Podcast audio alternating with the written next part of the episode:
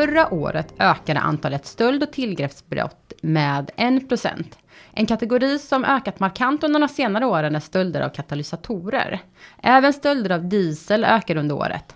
Stölder av båtmotorer och transportstölder är däremot brottskategori där vi ser en minskning. Idag ska vi prata om detta, om brottsutvecklingen som har varit, men också vad vi tros vara på väg. Mitt namn är Åsa Lundin och idag har jag med mig Mats Galvenius som är vd på Larmtjänst. Hej Mats! Hej Åsa! Um, du har varit med i podden några gånger nu, uh, men vi kör en kort presentation uh, om vi har några nya lyssnare så de vet vem du är. Ja, jag heter alltså Mats Galvenius och jag är vd här på Larmtjänst sedan, ja vad är det, 12-13 år. Och jag är också engagerad i vårt moderbolag Svensk Försäkring. Mm. Eh, Mats, vi eh, publicerade ju för andra året i rad en rapport över det som vi kallar försäkringsrelaterad brottslighet. Eh, vad, eh, vad, vi börjar med, vad är försäkringsrelaterad brottslighet? Ja, det är ju då den typ av brottslighet som drabbar försäkringsbolagen i form av Eh, Eh, försäkringsskador som kunderna anmäler. Och det vi pratar om det är ju stölder och andra tillgreppsbrott. Det kostar eh, ungefär 3 miljarder kronor för försäkringsbolagen varje år. Sen är det bedrägerier och då tänker vi främst på försäkringsbedrägerier och det kostar någonstans eh, 3 till 5 miljarder kronor. Och sen har vi anlagda bränder, ytterligare någon miljard kronor. Och skadegörelse. Det är väldigt många skadegörelsebrott men vi har ingen riktigt bra uppfattning om hur mycket de kostar. Men sammanlagt så kostar den här brottsligheten ungefär 10 miljarder kronor för försäkringsbranschen. Mm. Så om vi säger så här, om försäkringsrelaterad brottslighet, hur påverkar det branschen? Då skulle man kunna säga att det är stora kostnader för branschen. Hur påverkar det liksom försäkringstagaren? Ja, i förlängningen så måste ju alla skadekostnader tas in i form av premier. Så att ju högre försäkringsrelaterad brottslighet, eh, desto mer premie måste ju försäkringsbolagen ta in. Så det kostar även försäkringskunderna en hel del pengar. Mm. Om man läser den här rapporten, uh, hur skulle man kunna sammanfatta den i, i stora drag? Vad finns det för ljusglimtar och vad finns det för orosmoment så att säga? Ja, det har ju skett ganska stora förändringar i de olika brottstyperna. Och vi ska gå in mer i detaljer senare. Men vi kan säga att när det gäller tillgreppsbrottsligheten eller stölderna så sker det ett skifte. Vissa kategorier av, brott, av eh, stölder minskar ganska rejält. Inbrotten är typiskt sånt. Eh, antagligen beroende mycket på hemarbete och så gör att det är svårare att stjäla saker från hemmet. Men då måste ju de här livsstilskriminella hitta andra finansieringskällor och då går man över på sånt som är mer lättstulet som är utanför hemmet. Och då har vi det här med katalysatorstölder mm. som har exploderat fullständigt under senare år. Mm. Eh, samtidigt ser vi ju att försäkringsbedrägerierna ökar. Och det ligger ju i den trend som vi ser i hela samhället att bedrägeribrottsligheten blir mer och mer intressant. Inte minst för den organiserade eh, kriminaliteten. Att man eh, ger sig på bedrägerier både mot välfärdssystem, mot individer, mot företag men mm. också mot försäkringsbolag. Mm. Eh, vi har ju också ett krig som pågår i vår närhet. Kan man i, eh, i rapporten, i, eh, i statistiken se, se någon påverkan av, av det så att säga? Ja, kanske. Det vi ser är ju fortfarande att en del av den stöldbrott som vi vet att godset nästan uteslutande förs utomlands är fortsatt låg nivå. Det mm. sjönk ju mycket under pandemin. Och jag tänker här exempelvis på båtmotorstölder. Mm. Vi vet att 90% eller mer av båtmotorerna som stjäls i Sverige går utomlands. Och där har vi ju nu väldigt låga nivåer jämfört med för 10 år sedan. Det har gått ner med 70% ungefär båtmotorstölderna. Och det initialt berodde det nog mycket på eh, att man införde gränskontroller och svårare att resa under pandemin. Mm. Men det har fortsatt under det sista året.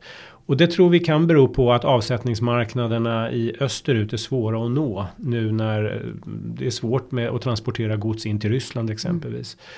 Mm. men vi ser åt andra hållet också. Vi ser en ökning av eh, stölder av entreprenadmaskiner. Fjärde kvartalet hade vi ett väldigt deprimerande siffror vad gäller stölder av entreprenadmaskiner. Vi vet inte, men det finns en misstanke om att en del av, det, eh, av de maskinerna förs till krigsområdet därför att det finns ett stort behov i samband med att man måste schakta och bygga upp igen efter i, i kriget. Så att, och när det finns ett stort behov då kommer organiserad kriminalitet att täcka det behovet på ett eller annat sätt. Mm. Så kriget kan ha påverkat i två olika riktningar. I vissa typer har det gått ner och i vissa kan man börja se en ökning. Um, försäkringsbranschen, är den mer utsatt än andra branscher eh, när det kommer till brottslighet? Ja, av naturliga skäl eftersom eh, försäkringsvillkoren täcker eh, stöldbrott och an, annan brottslighet mm. när kunderna drabbas av det så är det ju naturligt att försäkringsbranschen drabbas hårt av mm. brottsutvecklingen. Men det finns andra branscher som också är väldigt utsatta för, för stöldbrott exempelvis. Eh, detaljhandeln är en sån. Mm. Det stjäls oerhört mycket från butiker. Mm. Eh, och eh, man går in och stjäl kött och annat. Och det är ju inte försäkrat. Det är Nej. försäkrat om det är ett rån eller om det är en, en, en, stöld från en stängd butik. Men inte liksom det här som är ett, som ett svinn. Det är just inte det. försäkrat. En annan bransch som är hårt drabbad just nu är byggbranschen. Det stjäls oerhört mycket från de svenska byggena. Mm. Uh, och det skäls väldigt mycket bränsle. Och det kommer vi tillbaks till, det har vi statistik på. Men det är också ganska sällan försäkrat. Utan det drabbar åkerier och maskinentreprenörer och, uh, och andra som hanterar bränsle. Mm. Men om vi tittar tillbaka då till försäkringsbranschen igen och den brottsligheten som drabbar försäkringsbranschen. Ser man det inom branschen som ett stort problem, den försäkringsrelaterade brottsligheten? Eller är det hanterbart? Eller hur, hur ser man på det i branschen? Alltså stölder och brottslighet, stölder och bedrägeri är liksom en del av försäkringsbranschens mm. vardag. Det har det alltid varit. Det är ju det man försäkrar, stölder försäkrar man sig mm. mot exempelvis och anlagda bränder. Så att det är väl i och för sig inget konstigt. Men självklart är, det ju, är, är vi väldigt engagerade i att försöka hålla tillbaks brottsutvecklingen. Dels för att kunderna drabbas ju. men det är också så att stölder och bedrägerier leder till otrygghet i samhället. Så mm. försäkringsbranschen är ju väldigt engagerad i brottsförebyggande frågor. Mm. Eh, inom försäkringsbranschen eh, ser man kopplingar till den brottsligheten som drabbar försäkringsbranschen. Ser man kopplingar till det vi pratar om den mera organiserade brottsligheten också? Det gör vi absolut. Uh, under många år har vi ju pratat om de internationella stöldligorna. Mm. Internationella brottsnätverk som är mer eller mindre maffialiknande organisationer. Ofta med koppling österut. Uh, som kommer in i landet uh, medvetet söker efter en viss typ av gods. Det kan vara exklusiva bilar, det kan vara bildelar, det kan vara båtmotorer, entreprenadmaskiner, fyrhjulingar. Det, det är mycket gods de vill ha åt. Och eh, sen har man en väldigt effektiv logistikkedja för att få ut det här ur landet till avsättningsmarknader i Ryssland och längre mm. österut. Mm. Uh, och det här problem, den problematiken med organiserade stöldligor har vi ju haft i ja, 30 år i Sverige. Mm. Men, men det är ju ingenting som minskar. Vad vi kanske ser mer av nu är också organiserade bedrägerier. Organiserade bedrägerier vet vi ju drabbar exempelvis välfärdssystemet i stor utsträckning. Men det spiller även över på försäkringsbranschen. Mm. Um, du nämnde i, i början här att det kan se lite olika ut uh, hur, hur försäkringsbranschen drabba, drabbas i de olika uh, kategorierna.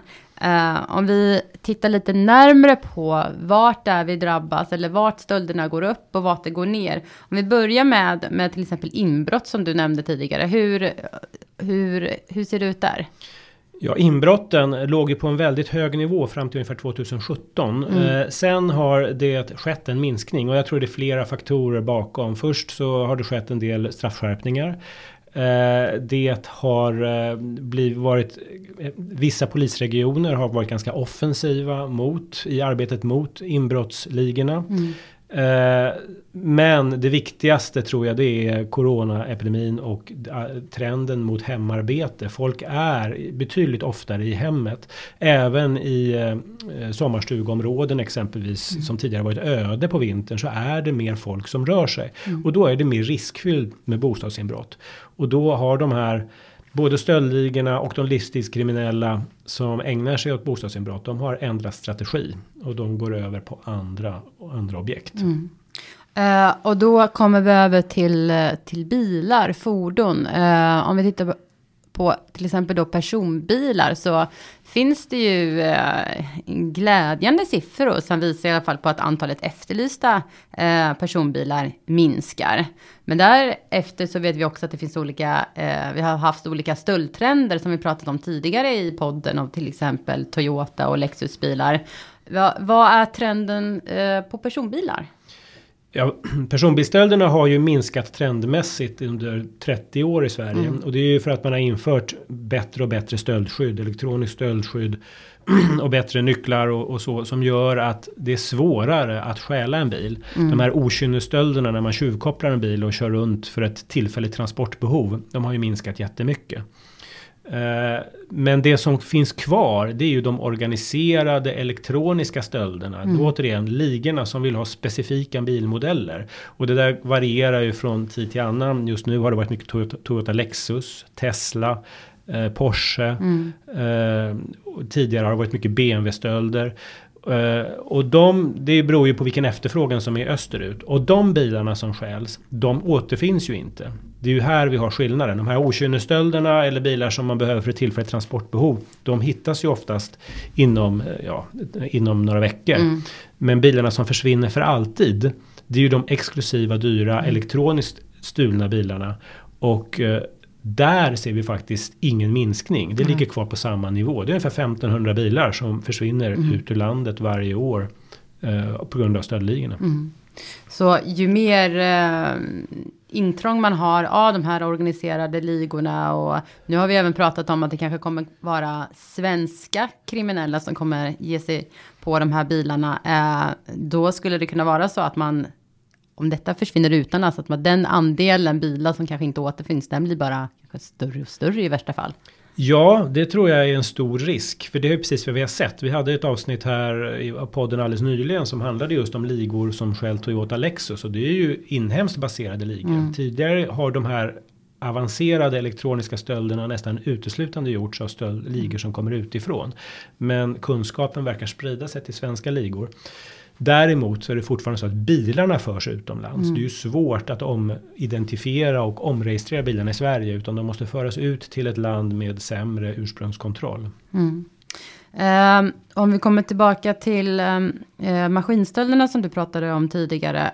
Um, så kunde man ju faktiskt se under året totalt att det var en liten minskning på maskinstölder. Men det var ju i slutet av året där vi började se en ökning. Och då kommer vi in på det som du pratade om. att det finns en risk att vi kommer se en ökning under året kanske där.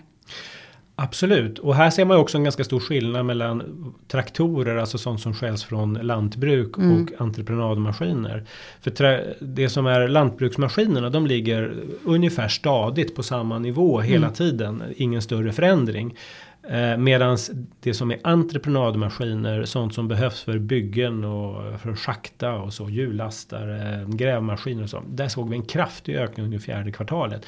Vi har ingen riktigt bra förklaring till detta. Därför de här försvinner också nästan uteslutande, typ 80% mm. återfinns aldrig.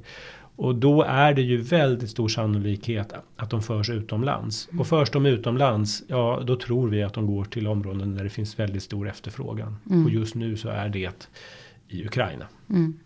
Eh, båtmotorer?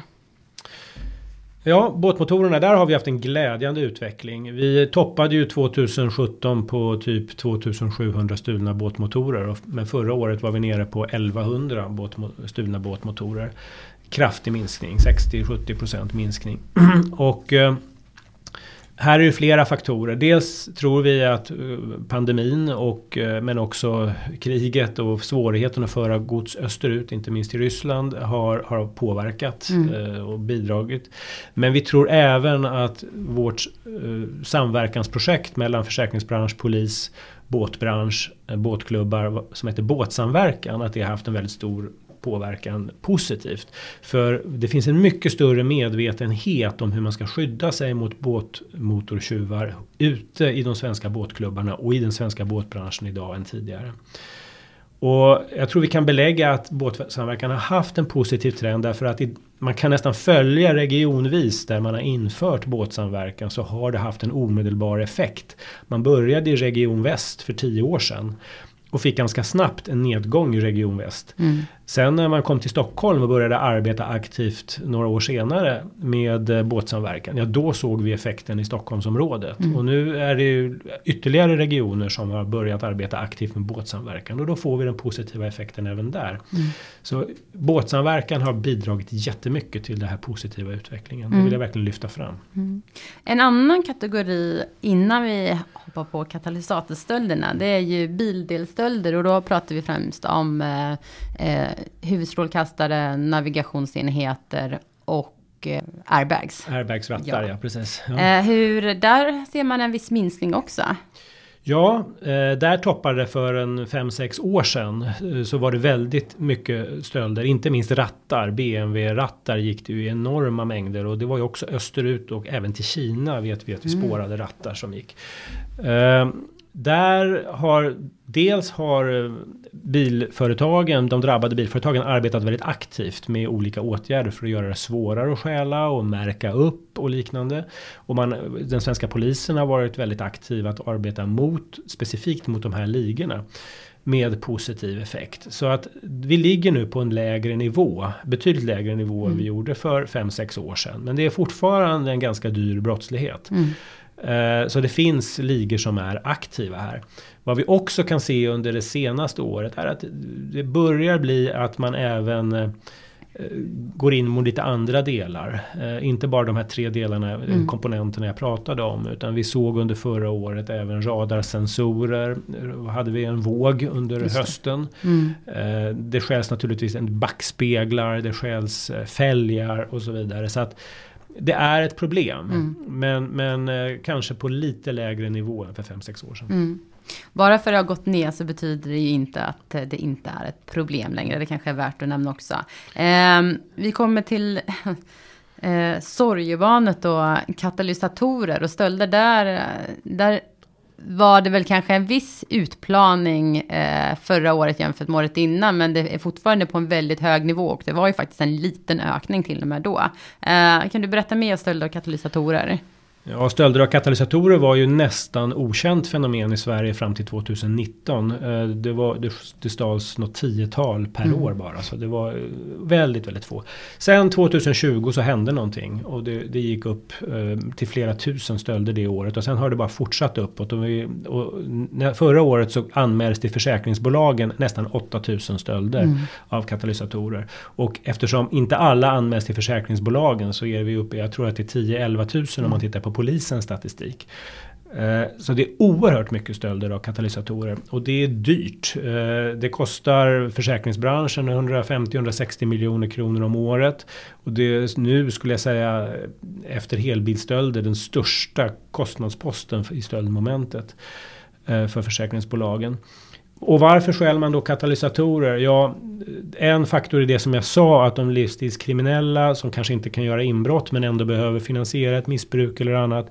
De har insett att katalysatorerna är oerhört lätta att stjäla och det är också ganska säkert att hantera därför de är inte märkta eller sällan märkta så att det går att hänvisa till en stöld och det gör att även om du liksom grips med katalysatorer så kan du sällan dömas för någonting. Mm.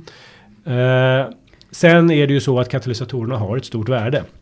Det är ädelmetaller de där, rhodium, platina, eh, palladium och eh, råvarupriserna har varit väldigt höga. Kanske gått ner lite senaste året men de är fortfarande på en mycket, mycket högre nivå än för 5-10 år sedan. Och det gör att man i, eh, om man stjäl en sån där och säljer det till en oseriös eh, hanterare så kan man få 3-5 tusen för en Mm. katalysator. Och eh, sen går det där in i eh, eh, liksom, till slut avsätts det i, för att smältas ner. Mm. Hur det där går till exakt, det vet vi inte. Men vi vet att en hel del transporteras bulkvis utomlands för Mm. nedsmältning. Så det kopplas till internationell verksamhet. Just det. Um, och där är ju ändå uh, att lyfta, det är en stor skillnad. Uh, stölderna av katalysatorer jämfört med de andra tre uh, delarna som pratade om innan. De andra tre kanske man använder då i andra bilar när man eh, reparerar och så. Medan katalysatorer, det är ingenting som man tar för att sätta på en annan bil. Utan då är det själva materialet som du har i katalysatorn som du är ute efter, inte själva funktionen av katalysatorn. Exakt, man smälter ner den och återvinner metallen, det är det man gör. Eh, så att Mm, eh, men det är ju väldigt kostsamt. För även om man får 3 till 5 tusen då när man säljer den där katalysatorn. Men för att reparera bilen kan mm. kosta 25, 30, mm. 40 tusen kronor. Mm. För att man ska, gör så mycket skador mm. Eh, när man skär loss de här katalysatorerna. Så att det är oerhört kostsamt för försäkringsbranschen och för försäkringskunden som inte alltid är försäkrad mot det här. Just det. Um, transportstölder, där ser man viss nedgång. Ja, eh, det gör man. Transportstölderna är något som vi har börjat följa lite mer noggrant det senaste året. Eh, och det är ett samverkansprojekt mellan försäkringsbranschen, Sveriges Åkerier, Maskinentreprenörerna och polisen i mm. Region Syd. Något som vi kallar för vägsamverkan. Och inom ramen för det har vi börjat samla in och sammanställa statistik kring transportstölder och dieselstölder. Och transportstölderna, ja det är ju då stölder där man helt enkelt tar gods som från långtradare och lastbilar och budbilar. Eh, och eh, där har vi haft en ganska deprimerande utveckling tidigare. Men under det senaste året så har vi sett en kraftig nedgång av transportstölderna. Jag ska mm. inte säga att vägsamverkan som vi kanske inte är helt uppe i full sving ännu har haft en jättebetydelse. Men jag tror att det har en betydelse att det finns en större medvetenhet hos mm. åkerier och budbilsfirmor hur man ska förebygga stölder. Mm.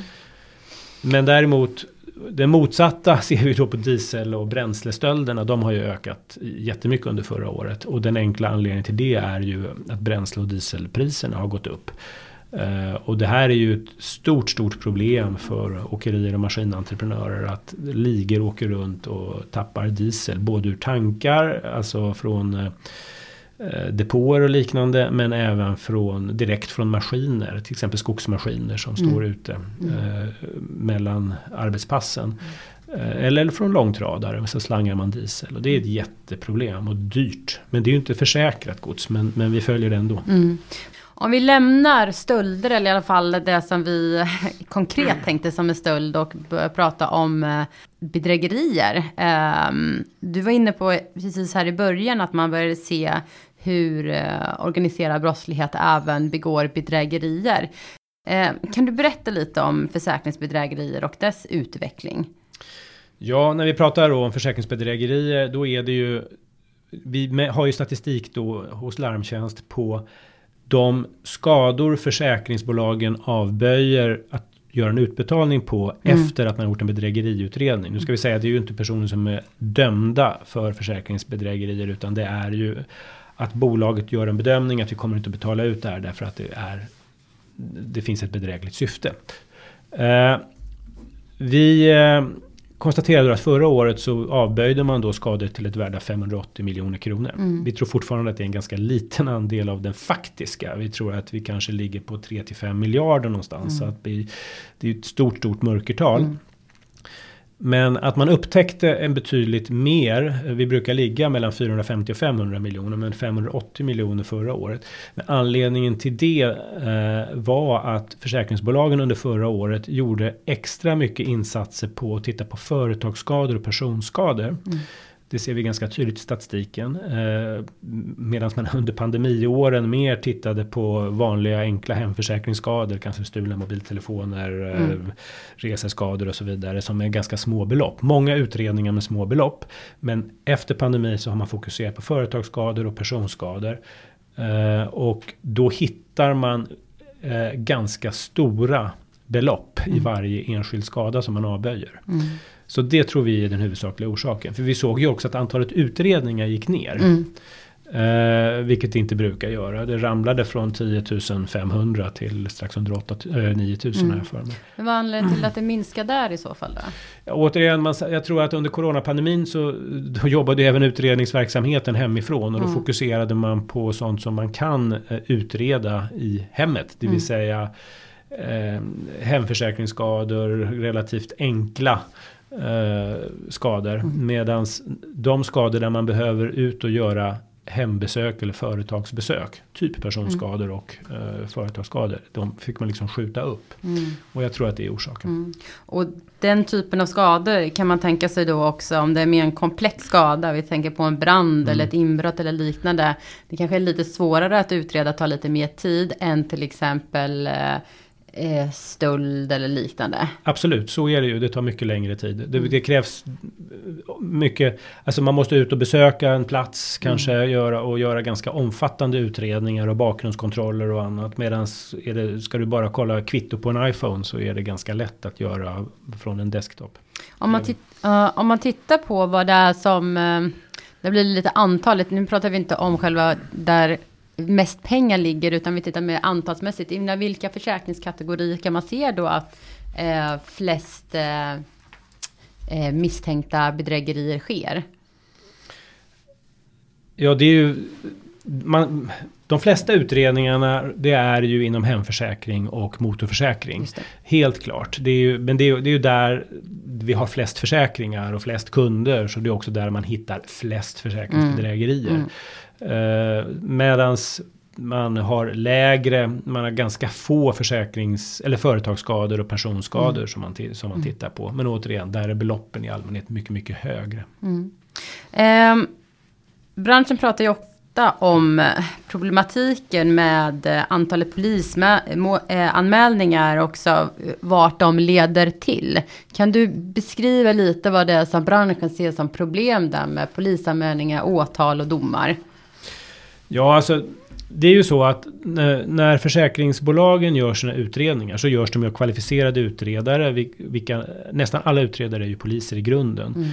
Och man skriver ganska uttömmande utredningar som sen lämnas över till polisen. Och då kan, kan ju vi tycka att de flesta borde leda till åtgärd från polisen. Men så är det ju inte utan polisen direktavskriver ju ungefär 20% och sen är det ytterligare typ 60% som av, där man lägger ner förundersökningen.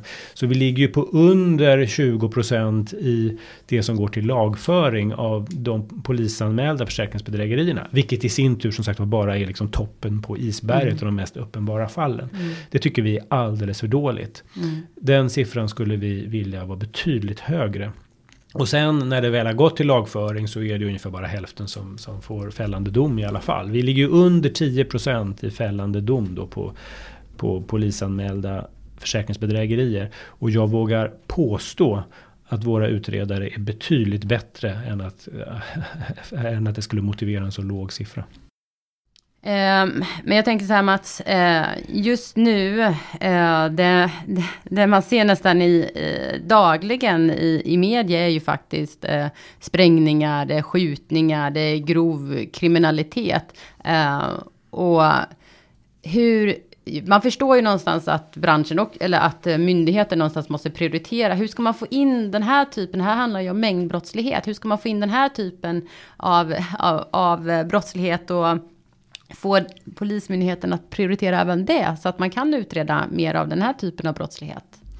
Ja, alltså jag anser ju att polisen måste kunna arbeta både med grov brottslighet och med mängdbrottslighet. Och det finns flera orsaker till det. För det första är det ingen tydlig gräns mellan vad som är organiserad brottslighet och vad som är mängdbrottslighet. Därför att den organiserade brottsligheten ägnar sig jättemycket åt mängdbrottslighet. Jag pratade ju redan tidigare om organiserade bedrägerier och de internationella stöldligorna. Så att det, om man, om, man in, om man ska komma åt de organiserade ligorna så måste man även klämma åt dem när de ägnar sig åt mängdbrott. Och det kanske är enklare att komma åt dem i mängdbrottsdelen än att komma åt dem i vissa av de grövre brotts, mm. brottstyperna.